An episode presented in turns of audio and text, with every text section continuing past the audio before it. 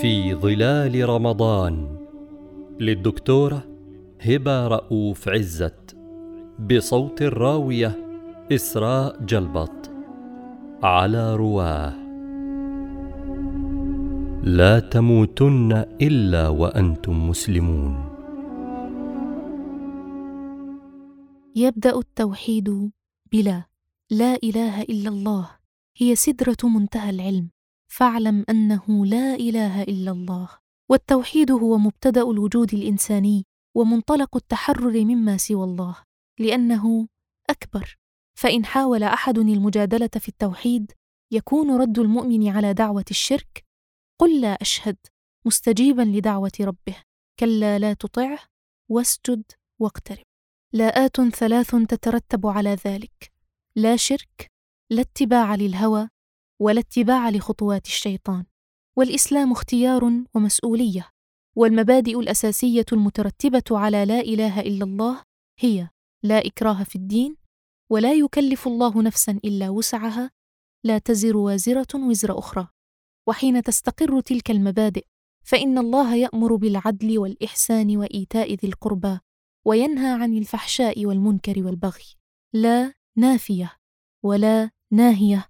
هي التي تحدد ملامح المجتمع الإسلامي وتتوالى الآيات التي تتكرر فيها لا تنهى عن نقض الأيمان والعهود وعن كتمان الشهادة وعن أكل الأموال بالباطل وعن عضل النساء وإيذائهن وعن البغي لا الناهية في القرآن هي دائما ضد الظلم ومع العدل الذي هو مناط التشريع بل إخلاص العقيدة مناطه العدل لأن الله وصف الشرك بأنه ظلم عظيم.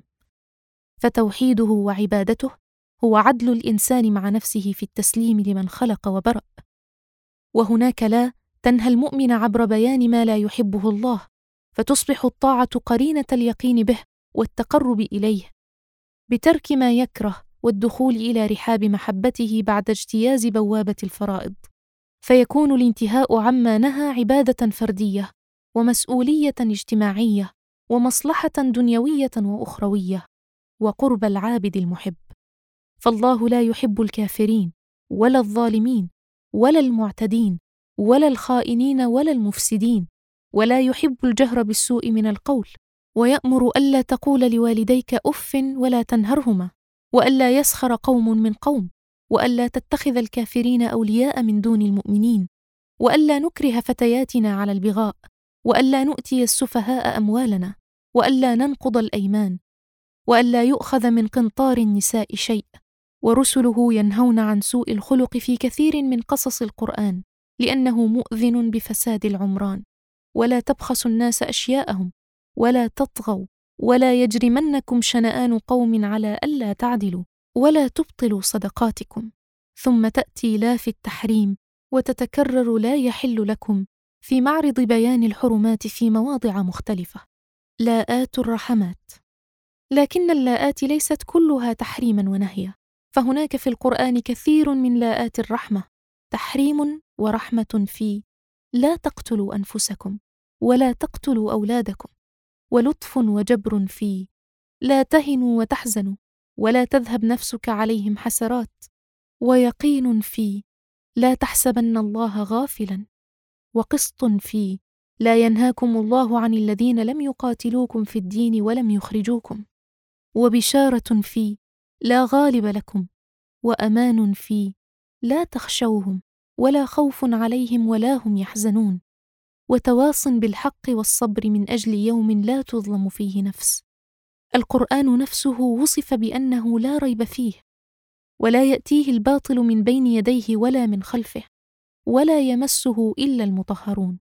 وتواترت اللاءات في وصف الغيب يوم القيامة سخرية ممن قالوا لا يبعث الله من يموت وتحذيرا في لا تأتيكم إلا بغتة وميزانا في لا ظلم اليوم ولا شفيع ولا يؤذن لهم فيعتذرون ولا يخفف عنهم العذاب ولا تخفى منكم خافية وقسطا في لا يستوي أصحاب النار وأصحاب الجنة. واللاءات في الدعاء على لسان المؤمن كثيرة في لا تؤاخذنا إن نسينا أو أخطأنا ولا تحمل علينا اصرا كما حملته على الذين من قبلنا ولا تحملنا ما لا طاقة لنا به. وفي التوسل لا تذرني فردا وأنت خير الوارثين. وفي الاستغفار لا إله إلا أنت سبحانك إني كنت من الظالمين.